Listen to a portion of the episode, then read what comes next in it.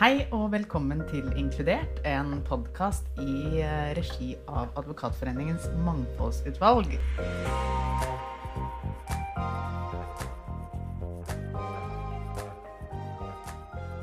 På vegne av Ingrid Advokater Oslo så vil jeg først si tusen takk for invitasjonen til å lede denne samtalen her.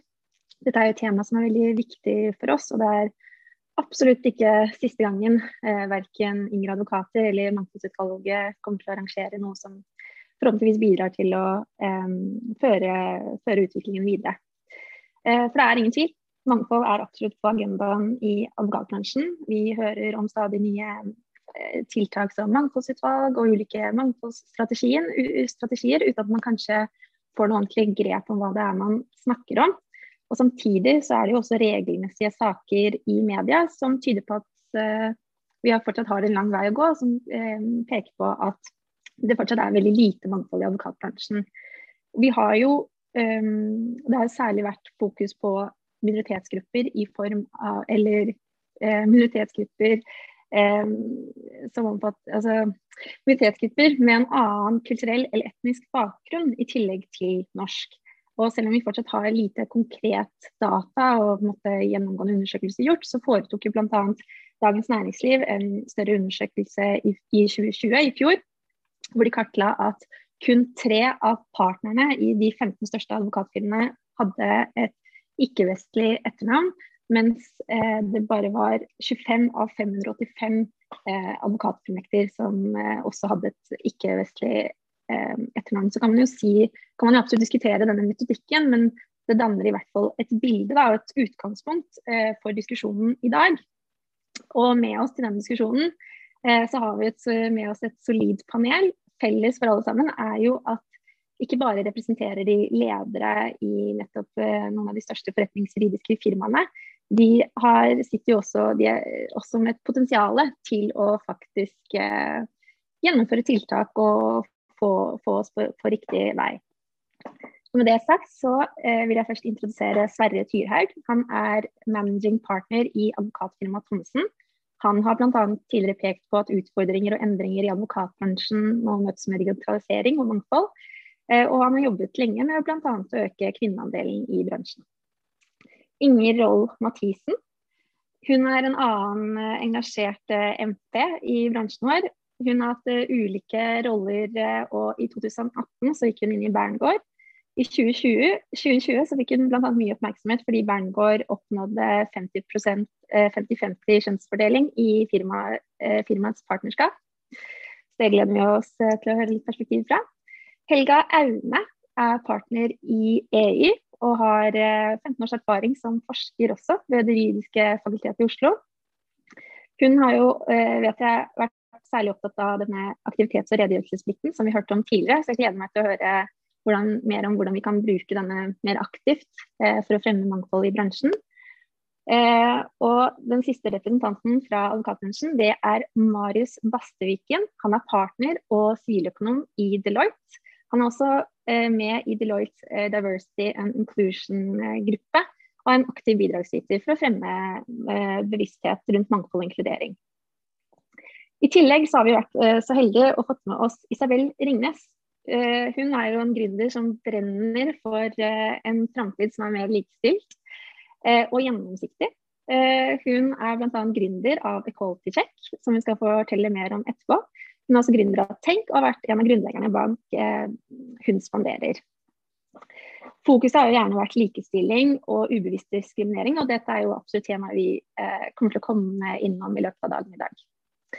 Så hvis vi starter med det bildet vi tegnet oss opp av eh, advokatbransjen, som da ser ut til å være ganske lite mangfoldig.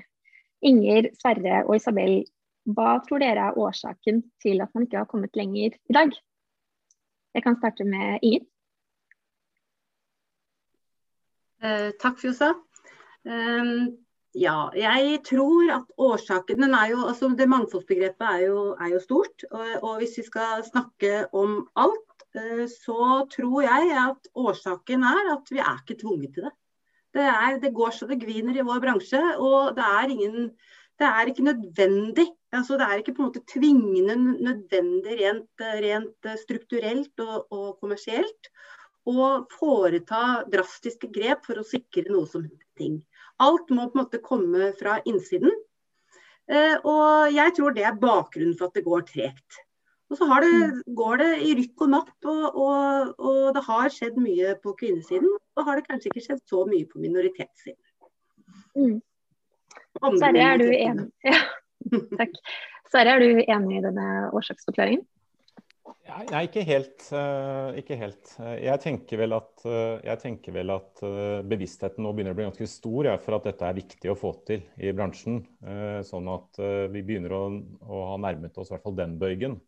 Så nå er det et stort ønske om å få til mer mangfold, fordi det er viktig ut fra grunner vi ikke trenger å gjenta her. Men et sånt helt obvious ting er at 20 av studentene nå for så vidt har minoritetsbakgrunn, hvis man skal stole på de tallene. Så da tror jeg at årsakene nå til at man ikke har kommet lenger, eh, det er nok mer fordommer eh, og, og eh, manglende kunnskap og behov for holdningsendringer på begge sider. Altså både på jobbsøker- studentsiden og på næringslivssiden. Og så tenker vel jeg at uh, vi må lære fra den jobben vi har gjort på kvinneandelene, at, uh, at, gode intensjoner ikke er nok. Altså dette, må, dette, løser seg ikke av seg selv, selv om man nå har uh, mange studenter og dyktige kandidater å ta. Man må jobbe med alle disse tingene, tingene jeg nevnte, og, og, du må sette tydelige målsetninger i firmaer. Du må ha gode strategier, du må måle fremgang og ha gode tiltak og evaluere tiltak og justere. Så det, jeg, vil, jeg, jeg, tror vi har kommet litt lenger, da, og at uh, dette med f.eks. seminarer som dette, at vi, at vi er, beveger oss i riktig retning. Og så tenker jeg at jeg vil ikke være så Det er mye bra her også. Jeg ser at uh, advokatbransjen er ganske liberal med hva gjelder holdninger. Så jeg tror at det det mye dreier seg om, er å, er å få dette til en strategisk viktig ting, og at folk forstår det, og forstår samtidig at uh, gode intensjoner ikke er nok. Takk. Isabel, du som er litt uh, utenfra, hvordan vurderer du situasjonen? Jeg, syns eh, både Inger og Sverre har uh, veldig gode poenger. Uh, jeg tror det handler om uh, å bare gjøre det, med om det er tvang eller en sterk leder, som, som, du påpeker, Sverre.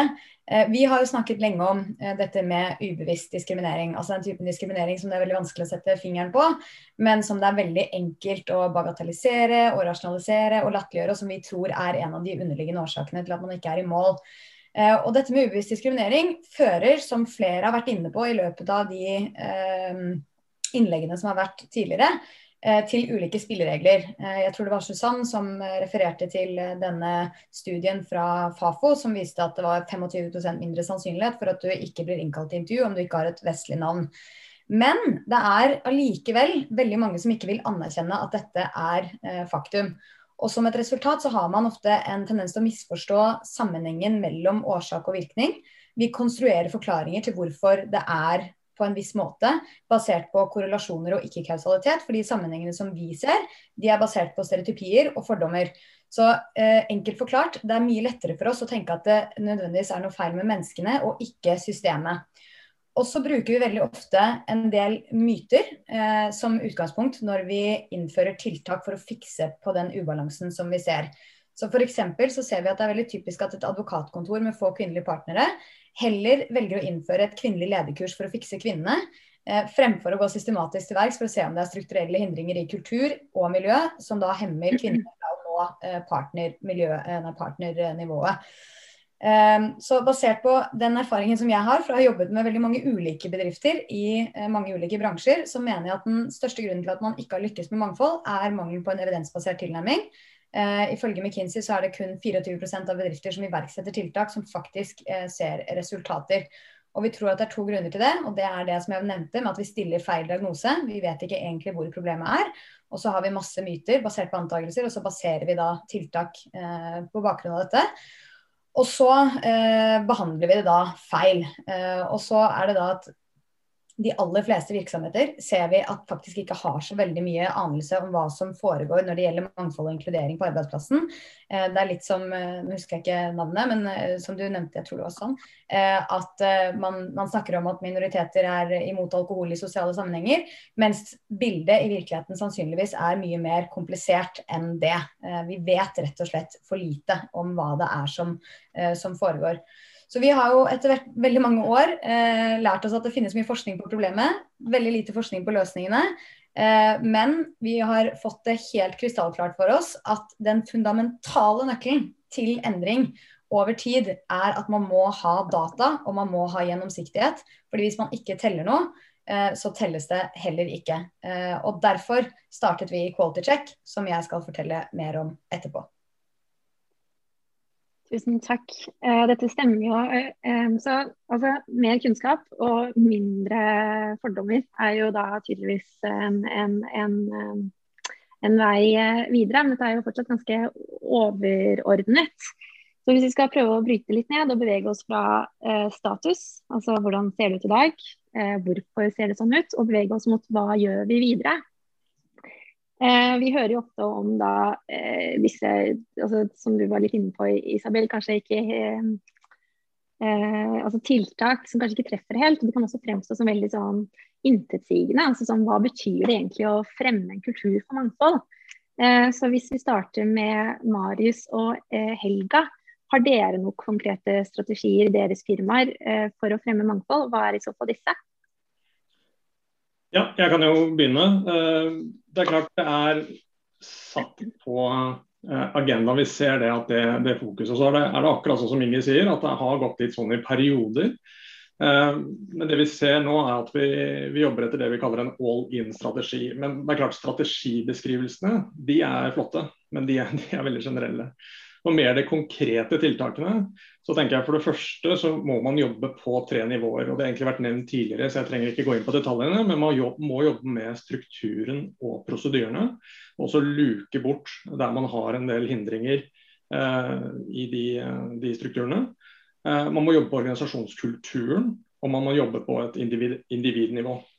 Bare for å nevne et par konkrete ting, så setter vi de, disse dager i gang et uh, et eh, program som vi kaller The Wave. Eh, det er et eh, sponsoringprogram for kvinnelige talenter, så det går med likestillingsdimensjonen. Og det er fordi at Vi så jo tidligere med disse mentoring som man hadde en tendens til å kjøre veldig mye av tidligere, så er det med på å gjøre bransjen likere og gjøre mangfoldet smalere. Fordi Man har en tendens da til å som mentor å sitte og fortelle hva du bør gjøre og hvordan du lykkes. Og det du egentlig sier er bli akkurat som meg, du, så går dette her fint. Og Det gjør man til unge kvinner og unge menn, og så blir på en måte mangfoldet mindre og mindre. Eh, så heller være en sponsor som står skulder til skulder, eller helst litt bak, eh, og som åpner litt dører, og som er der som en støtte, har vi mye mer tro på. Det andre vi gjør, er at vi har ikke gått helt bort fra mentoring, men vi iverksetter det som heter omvendt mentoring. Jeg tror det er viktig også at vi er litt ydmyke, at ikke vi bare sitter på lederrommet og bestemmer hva problemet er, og dermed også hva løsningen skal være. Så vi tar noen utvalgte ledere hos oss nå som får en mentor som er enten nåværende eller tidligere studenter som har en annen etnisk bakgrunn. Som rett og slett skal være mentor for våre ledere, så de skal få en bedre innsikt og rett og slett utvikle en mangfoldskompetanse gjennom det. Så istedenfor antakelser og fordommer, så skal man faktisk gå i dialog for å forstå litt bedre. Det høres kjempespennende ut.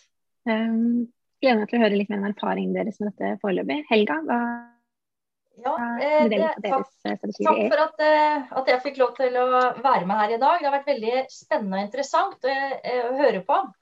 Jeg er da partner i et advokatfirma med 38% kvinner. Vi har 25 forskjellige nasjonaliteter som jobber i det norske firmaet. Flere av de har jusutdanninger fra andre land. Så vi har jobbet i de siste ti årene har jeg jobbet veldig strategisk med å jobbe bredt ut, rekruttere bredt ut, fordi vi trenger kompetansen for å snakke med vårt uh, kundegrunnlag. Finne de gode løsningene og få folk til å trives. Og Da har det ført til et veldig fokus på verdistyring. Og hva er verdiene våre? Å få det inn i alle prosessene som vi jobber med, nemlig uh, alle disse personalområdene som uh, ombudet eh, fortalte om. Eh, vi har et, det er ikke riktig det som sies nå om at, har, at, det ikke har vært tvingende nødvendig. For nå er det tvingende nødvendig. For nå har vi aktivitets- og redegjørelsesplikten.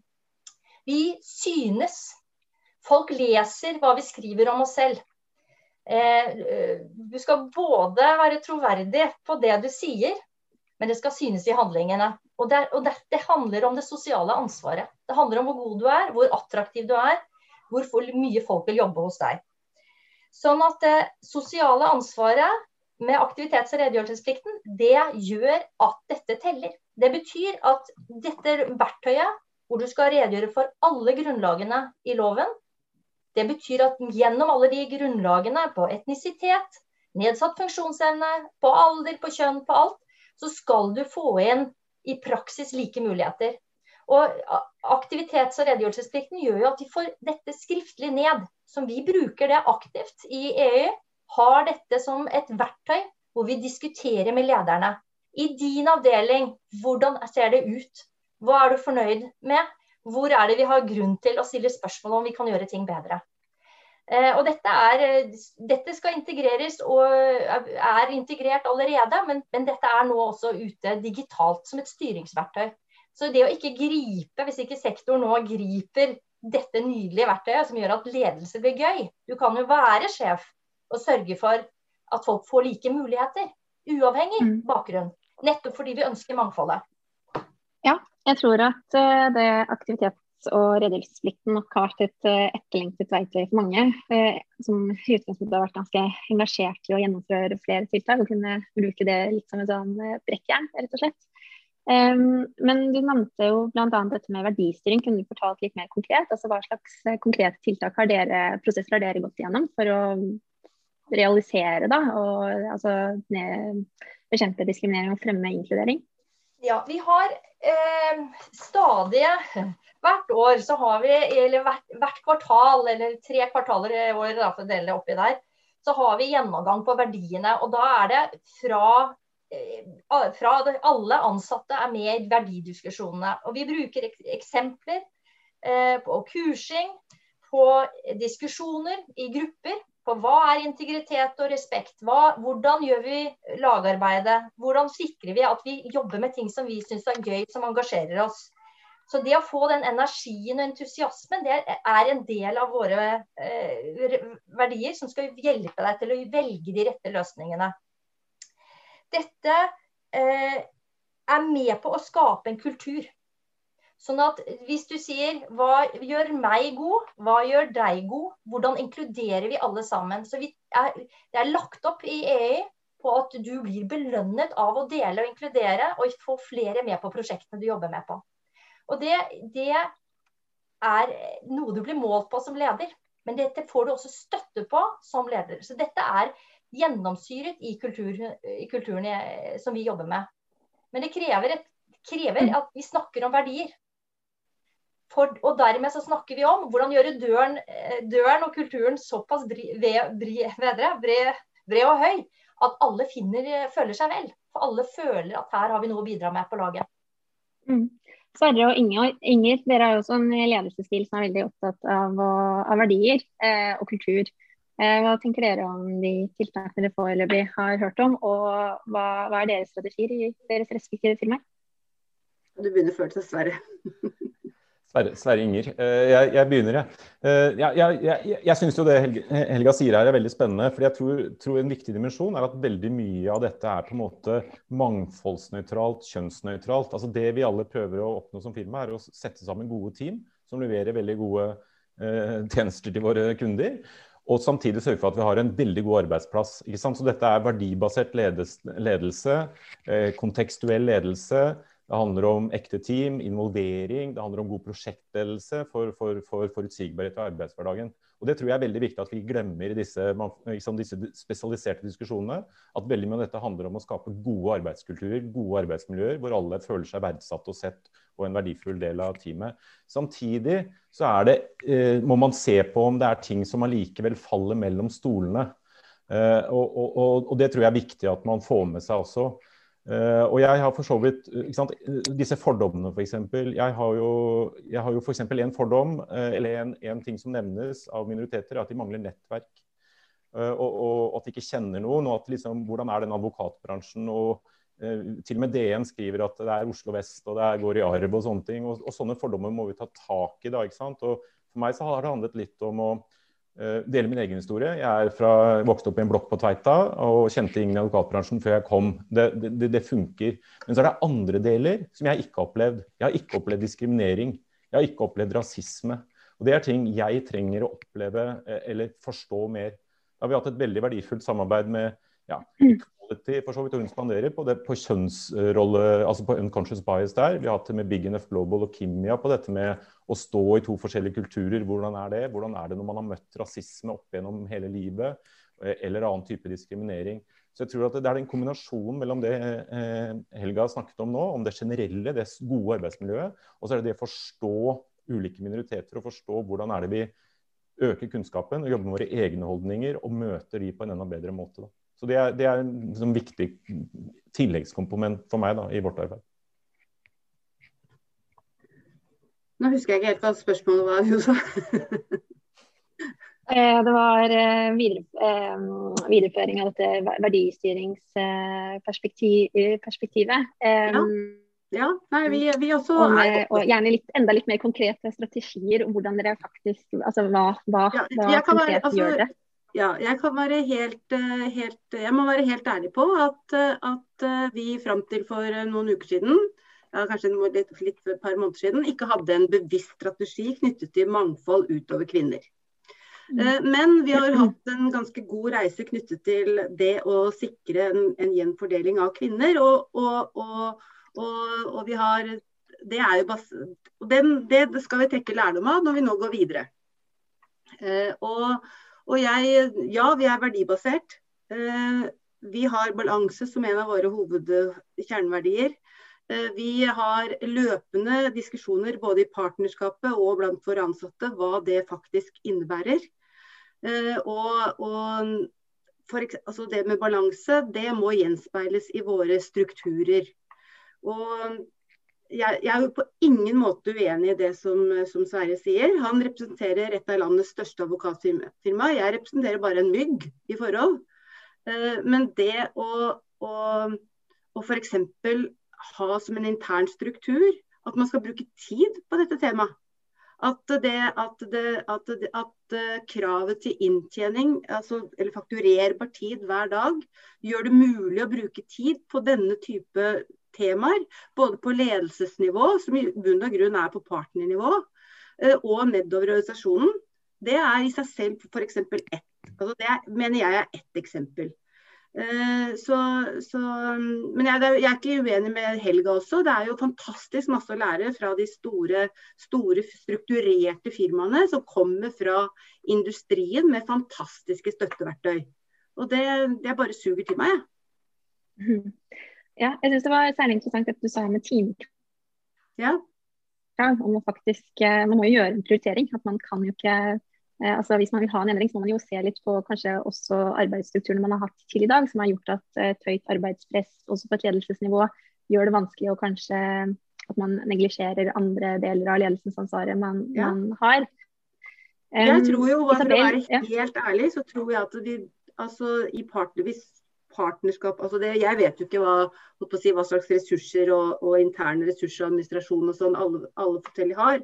Og at det klart, det mer penger man er, har i en virksomhet, det mer penger har man også å investere i å hjelpe til å gjennomføre denne type tiltak. Men, men eh, det er nå i bunn og grunn eh, si, oss menneskene som skal forandre seg. Og da må vi menneskene sette av tid til å jobbe med kompetanse med å jobbe med våre fordommer, åpne og skjulte. Og da må vi ta den tiden som vi ellers kunne brukt på å produsere. Og da må det, det må reflekteres i hva det forventes av oss. Mm. Veldig interessant. Jeg har reist hånden, jeg vet ikke om det syns? Nei, det, syns. det gjør ikke det, så dere får bare gjøre det fysisk. Så skal ja, jeg følge med. Eh, eh men OK, da ja, tar jeg ordet. Eh, det Mino Jur eh, sa her eh, om også Big Enough Global var det vel som kom med eksempelet her. Om at man ikke følte seg inkludert. Man føler seg mm. litt fremmedgjort. Det, jo, det var nesten min historie fra 90-tallet. Jeg holdt på å mm. slutte på jussen, for jeg hadde jo bare mannlige professorer. Og jeg kjente at dette språket ikke Jeg passer ikke inn. Så fikk jeg heldigvis en én kvinnelig professor, og så snudde det. Da skjønte jeg at jeg har faktisk en plass her. Så det, den, det eksempelet er Dette gjelder alle. Det er universelt. Mm. Og det er derfor Eh, doktorgraden min som handlet om deltidsarbeid, den hadde undertittelen eh, 'Vern mot diskriminering på strukturelt grunnlag og individuelt'. Hvorfor er arbeidstid for bare helsesektoren? Der er kvinneyrkene organisert for deltidsarbeid. Fins ikke noe systematisert sånn andre steder i arbeidslivet. Eh, det er strukturene. Det er, noen har besluttet at arbeidstiden må være sånn. arbeidstiden, mm. Det er lederne. Det må snus. og Det er jo derfor dette her aktivitets- og redegjørelsesplikten er så fantastisk. For nå er det snudd. Det er ikke bare mm. den enkelte med annen hudfarge eller feil kjønn eller nedsatt funksjonsevne som er nødt til å slåss seg fram til en plass. Det er vi som må gjøre det. Og det er der Enger eh, innspill om på en måte tid. Fordi dette er, krever ikke så mye tid. Dette skal bare legges på som et filter på alle de andre tingene som man gjør med rekruttering, med lønnsforhøyelse, med forfremmelse. Sånn at mm. Eh, fordeling av arbeidsoppgavene hvordan sikrer jeg at mine fullmektiger alle sammen får lik mulighet til å gjøre karriere? Jo, jeg må passe på at alle sammen får lik mulighet til å bygge seg opp med erfaring. Det er ikke den mm. enkelte ansatte fullmektige sin jobb. Så dette handler om ledelse her. Absolutt. En ting jeg tenker på er at vi innledningsvis og vi synes å være en samstemt uh, oppfatning om at uh, vi, vi, har en vei å gå både kanskje når det gjelder å erkjenne bevisst og ubevisst diskriminering rettet mot ulike grupper i samfunnet, bl.a. flerkulturelle. Og så tenker jeg på disse tiltakene dere har, disse strategiene dere foreløpig har presentert. Eh, Isabel, føler du at disse fanger opp? Altså Er det tilrettelagt eh, til å, å plukke eh, altså fange opp de eksemplene og de tilfellene eh, som faktisk får gjort noe med den diskrimineringen? Ja, Nå vet jeg jo ikke inngående hvordan dere jobber på et uh, daglig basis, uh, men det er jo kanskje naturlig for meg å trekke frem uh, hvordan vi i Quality Check jobber med å identifisere hvorvidt denne typen tiltak som har blitt trukket frem her, faktisk fungerer, som jo må være hensikten. Vi som nevnt startet jo Hun spanderer i 2015, og da var jo målet å adressere ubevisst diskriminering og skape bevissthet i samfunnet. Tro det eller det er det veldig mange her som sannsynligvis tror på, for dere har jo hatt noen år i bransjen. Eh, ubevisst diskriminering var ikke anerkjent som et problem på det tidspunktet. Eh, så vi brukte veldig lang tid med å bare overbevise om at dette var faktisk verdt å ta tak i. Eh, men i 2017, da vi hadde vår andre kampanje, så så vi at nå begynner faktisk arbeidslivet å være klare for å gå fra eh, det å være bevisst på det, til det å faktisk gjøre noe med det. Men problemet var igjen da at man ikke visste helt hva man skulle gjøre. Eh, så eh, lang historie kort. Eh, vi bestemte oss etter å ha vært i FN og blitt veldig inspirert for å starte da Equality Check som er en plattform for anonyme vurderinger om hvordan de ansatte selv opplever dette med likestilling og mangfold og inkludering og kultur på sin arbeidsplass. Vi kaller det forenklet en tripadvisor for arbeidsplassen. Så når fem ansatte har vurdert der de jobber, så går virksomheten live, eh, som vi så pent sier, og alle kan se hvordan da ansatte vurderer arbeidsplassen fra forhåpentligvis et åpent og ærlig perspektiv. Og så er det viktig å påpeke at vi måler hele spekteret av mangfold. Eh, alder, mm. etnisitet, seksualitet, eh, trans, religion, kjønnsidentitet, funksjonsnedsettelse. Alle disse aspektene som arbeidsgiver ikke har lov til å spørre om. Så arbeidsgiver kan altså hente innsikt fra denne plattformen helt gratis og få informasjon som de ikke kan få andre steder. Og Utover den innsikten så tilbyr vi da også løsninger basert på kvantitative data. Så i Quality Check Premium hjelper virksomheter å bli bedre gjennom å rapportere data selv. Eh, og bare det å rapportere og vite hva man skal rapportere på, er viktig, et viktig element. Og via da en digital rapport identifiseres de ulike problemområdene, og deretter så foreslås konkrete tiltak til eh, løsninger man bør iverksette basert på den beste tilgjengelige forskningen der ute. Og vi jobber tett sammen med CORE, eh, som mange sikkert kjenner til. De er Norges ledende på likestillingsforskning. Eh, og vi har et felles oppdrag om å finne og validere det som kan bli eh, blant verdens første løsninger om hvordan man kan øke mangfold. Og vi skal selvfølgelig da tilby disse løsningene globalt gjennom plattformen. Så videre så kombinerer vi de kvalitative svarene fra B2C eh, med de kvantitative svarene fra B2B for å sikre at virksomheter har en helhetlig oversikt over hvordan de gjør det, med hensyn til da, kultur og mangfold inkludering og mer. Så vi oppfordrer da dere som arbeidsgivere til å sende ut equality check til deres ansatte. Få interessant tilbakemelding. Eh, dette tar ikke mer enn tre minutter for dem å svare på. Og all dataen som vi mottar er anonymisert, aggregert, åpen, gratis og tilgjengelig for alle. Og på din egen profil så kan du også se hvordan de ansatte vurderer deg. Du kan svare på kommentarer. Du kan filtrere resultatene dine etter kjønn, stilling, alder, etnisitet, og enda flere dimensjoner for å forstå hvordan arbeidsplassen din oppleves forskjellig av ulike ansatte. Vi har også lansert muligheten til å kunne se utvikling over tid i et selskap, som kanskje er spesielt interessant i denne sammenhengen, hvor du da kan måle hvorvidt et tiltak du har iverksatt, faktisk har hatt en effekt på resultatene du får inn over tid. Så vi, eh, anbefaler å få inn eh, resultater ca. en gang i kvartalet eller en gang i halvåret. Og vi har også lansert en, et lønnsskjema som gjør det mulig for ansatte å legge inn sin egen lønnsdata og få en umiddelbar tilbakemelding om hvordan de sammenligner med andre kvinner og menn i tilsvarende stillinger i bransjen. Eh, vi har nå siden lansering i desember 2019 eh, fått mer enn 100 eh, 000 besøkende. Vi har mer enn 11 000 vurderinger av mer enn 2500 organisasjoner og har mer enn 380 live selskaper. Og forretningsmodellen ligger da i premium-plattformen, som for øvrig gjør det mulig for virksomheter å overholde den nye aktivitets- og redegjørelsesplikten, der vi har vært i tett dialog med både LDO og Bufdir og også Thommessen eh, for å sørge for at denne faktisk eh, hjelper bedrifter å rapportere på det de skal rapportere på. Eh, og videre da diagnostiserer den utfordringene, og man da mottar tiltak for å forbedre seg. Og I fremtiden så kommer vi til å legge til alt fra maskinlæring og e-læring, og kombinere all den ulike dataen for å kunne tilgjengeliggjøre beste praksis på tvers av ulike bransjer for å se hva som faktisk fungerer. Og så er det da selvfølgelig mm. veldig spennende at vi har lansert dette samarbeidet med Advokatforeningen, eh, hvor dere kan se landingssiden i bakgrunnen min her. Eh, og da er det selvfølgelig bare å, å gå inn og, og, vurdere deres eh, arbeidsplass. Ja, veldig spennende å høre om. Veldig, det veldig, kommer til å bli veldig spennende å se eh, hvordan eh, dette kommer til å funke. For det er jo et ganske sånn, eh, altså konkret, konkret verktøy. Um, for å utfordre det litt. da, Hvordan, fordi altså, advokatbransjen Vi har jo vært litt innom, og representanten fra Minojur Susann, var jo også innom dette viktigheten av at engasjementet for mangfold må være reelt. Og det er jo kan fremstå som at enkelte advokatfirmaer er veldig flinke til å uh, eh, fremme at man ønsker et mangfold utad, eller at man er opptatt av det, mens man kanskje ikke gjennomfører like mange av de tiltakene som flere av eh, dere, altså som resten av panelet har vært innom i dag. At man kanskje ikke har det samme gjennomgående reelle engasjementet internt. Hvordan kommer dere til å prøve å forhindre at dette bare blir en ny markedsføringsplattform? At advokatfirmaet får mulighet til å eh, selge seg som mer mangfoldige opptatt av det enn det de egentlig er?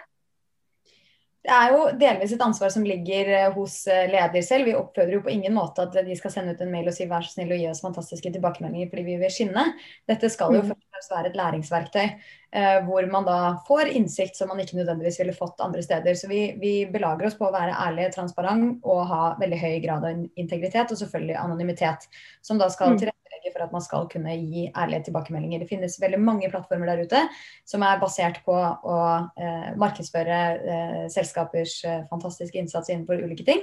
Og det er eh, også nødvendig, eh, men det er ikke egentlig der vi har lagt oss. Og det ser vi også på de tilbakemeldingene som vi får. Eh, det er mange positive.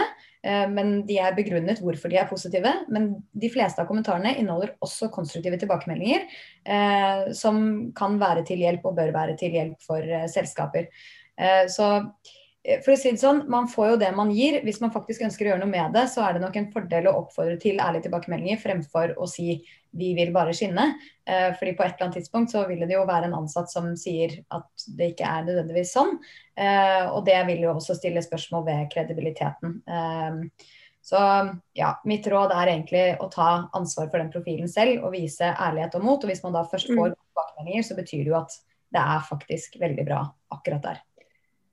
Eh, for å fortsette litt med den tematikken knyttet til mangfoldsvasking, altså at uh, advokatfirmaer fremstår uh, utad som mer opptatt av mangfold enn det man kanskje Det som gjenspeiler innsiden. Um, Marius, i advokatfirmaer da, hvor denne quality check f.eks. vil sendes til sine ansatte for å fylle den ut sånn at de kan promotere seg på likestilling og, og, mangfold. Hvordan skal man fange opp dette? her? Hva kan man si en genuint interessert i å fremme mangfold, motarbeide eller motvirke såkalt mangfoldsvasking generelt. Og f.eks. Eh, hvis man oppdager at equality check misbrukes. Ja, jeg tror Og gjerne et kort svar. Sorry. Ja, jeg skal, jeg skal, holde det kort. Eh, jeg tror altså, Det må være genuint. Det vil lyse igjennom. I hvert fall blant eh, de større firmaene så vil du ha Det er utskiftninger, det vil skinne igjennom. Så til kandidater så vil jeg anbefale snakk med ansatte. Sjekk gjerne i quality check hvis dataene ligger der, men snakk også med ansatte. Og følg bedriften litt over tid. Hvis dette er en hobby man driver med å pusle litt med nå fordi at nå ser det ut som det er noe som er positivt i markedet, så bør man holde seg for god til det. Men de som jobber internt med det, skaper kulturen og prosessene først. Og deretter gjerne bruker markedsføring, og, og, for da gjør man det med troverdighet. Men bare å begynne med markedsføring fordi at dette virker positivt, eller tvinge sine ansatte til å gi positiv tilbakemelding på quality check, er kortsiktig, og det er jo den raskeste vei til undergang.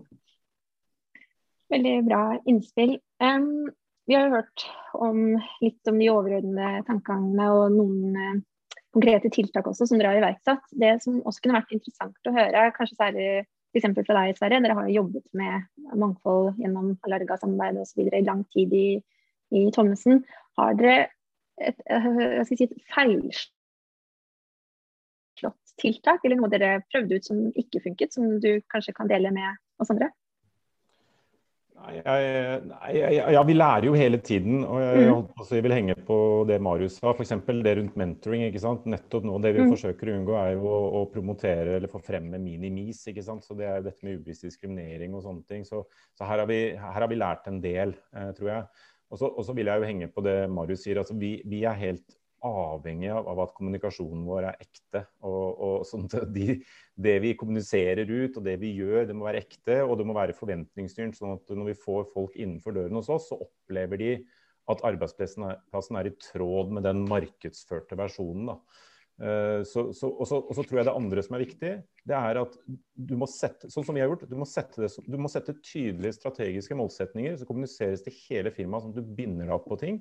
Og så må du måle fremgang, og så må du forklare hva du gjør til organisasjonen. Og så må du si, og så må du bare kommentere deg til at dette skal vi jobbe med over tid. Jeg har vært MP i åtte år. Jeg har jobbet med mangfold uh, i ulike dimensjoner i åtte år, og det vet organisasjonen hos Thommessen. Og så har vi masse jobb igjen å gjøre, men det har noe med du, må, du må ikke gi opp. Bare, for dette her kommer til å bli viktig. Og vi er helt overbevist om at det er helt avgjørende for at vi skal lykkes på sikt. Og derfor er det viktig for oss. Og derfor er heller ikke mangfoldswashing en problemstilling for oss i stor grad. Veldig spennende å høre om. Um, litt uh, tilbake til dette med generelle tiltak for å fremme mangfold. Vi var jo, ble jo nevnt tidligere i løpet av arrangementet om bl.a. DNBs krav om uh, kvinneandel bl.a. for hvilke advokatfirmaer de velger å samarbeide med. De er jo ikke alene. Storebrand og KLP og en rekke internasjonale konsern setter jo tilsvarende eller lignende krav om mangfold og likestilling. Eh, når de skal velge seg eh, leverandører. Tenker, har noen av dere noen særlige oppfatninger om dette? Hvilke, nå bygges det over her, beklager det. Eh, hva tenker dere om slike tiltak? Er det et effektivt virkemiddel, og er det eventuelt noen ulemper ved det? veldig kort, de som vil ta ordet. Ja, jo, ja, beklager. Inger først, og så Marius. Jeg, jeg, tror på uh, at de store industrielle innkjøperne tar, tar, ansvar og stiller krav. Det har vist seg egentlig knyttet til antikorrupsjon, til, til, generell integritet. Det har vist seg innenfor innmari mange felt, og jeg tror på at det er, er viktig. Og så må, må, de også være troverdige i de krav de stiller. og, og liksom, De må jo gjenspeile altså, det er de, de, må ikke markedsføre seg sjøl gjennom disse kravene, og så viser det seg at det ikke er så riktig, liksom. Så de også har jo kanskje kan komme til å få et troverdighetsproblem. Men jeg tror mm. på at det stilles krav. Og så håper jeg på en god dialog om hva, måte, hva som er oppfyllelse av de kravene, da. Mm. Marius, er det noen potensielle ulemper ved, ved at uh, at det, det, er slik man går frem da, for å få Nei, jeg, jeg, ser ikke noe ulempe. Jeg ser også jo mer fokus på det, jo bra er det. Men, men, det er klart at det man ofte blir møtt med, er jo dette at det, det paradoksale er at når vi snakker om like muligheter for alle, det å se individet, det å, at folk skal få være sitt unike jeg, så blir det jo mange ganger veldig fokus på alle disse parameterne vi ønsker at skal likestilles. Eh, så det er klart at Hvis det på en måte blir for finmasket, så vil man jo fort nesten havne i en sånn kvoteringsdiskusjon for å kunne oppfylle krav. Men at man er med på å sette fokus på næringslivet og hva man ønsker av sine leverandører, det er selvfølgelig helt OK. Spennende å høre. Um, en annen ting jeg tenkte vi skulle Ja, beklager. Jeg tenkte legge til her at dette med at forbrukermakten er, er sterk, det mm. tenker jeg er med på å sette et alvor over dette her. For, for, dette med likestilling var veldig mye føling og synsing, og, og nå blir det konkret. Mm. Eh, så det jeg tenker er bra at det stilles eh, krav fra kundene om det. Ja, og så, og så bitte liten kommentar. og Jeg håper at de også ikke bare ber om det i rammeavtalediskusjoner, men at de viser i praksis at de mm. henvender seg til disse minoritetene som de er så opptatt av. Og at de ikke bare fortsetter å gå til sånne som meg, eh, Caucasian White over 50, eh, som jeg representerer, men at de går da til kvinnene. Vi har kvinner innen alle, alle praksisområder, vi har minoritetsfolk.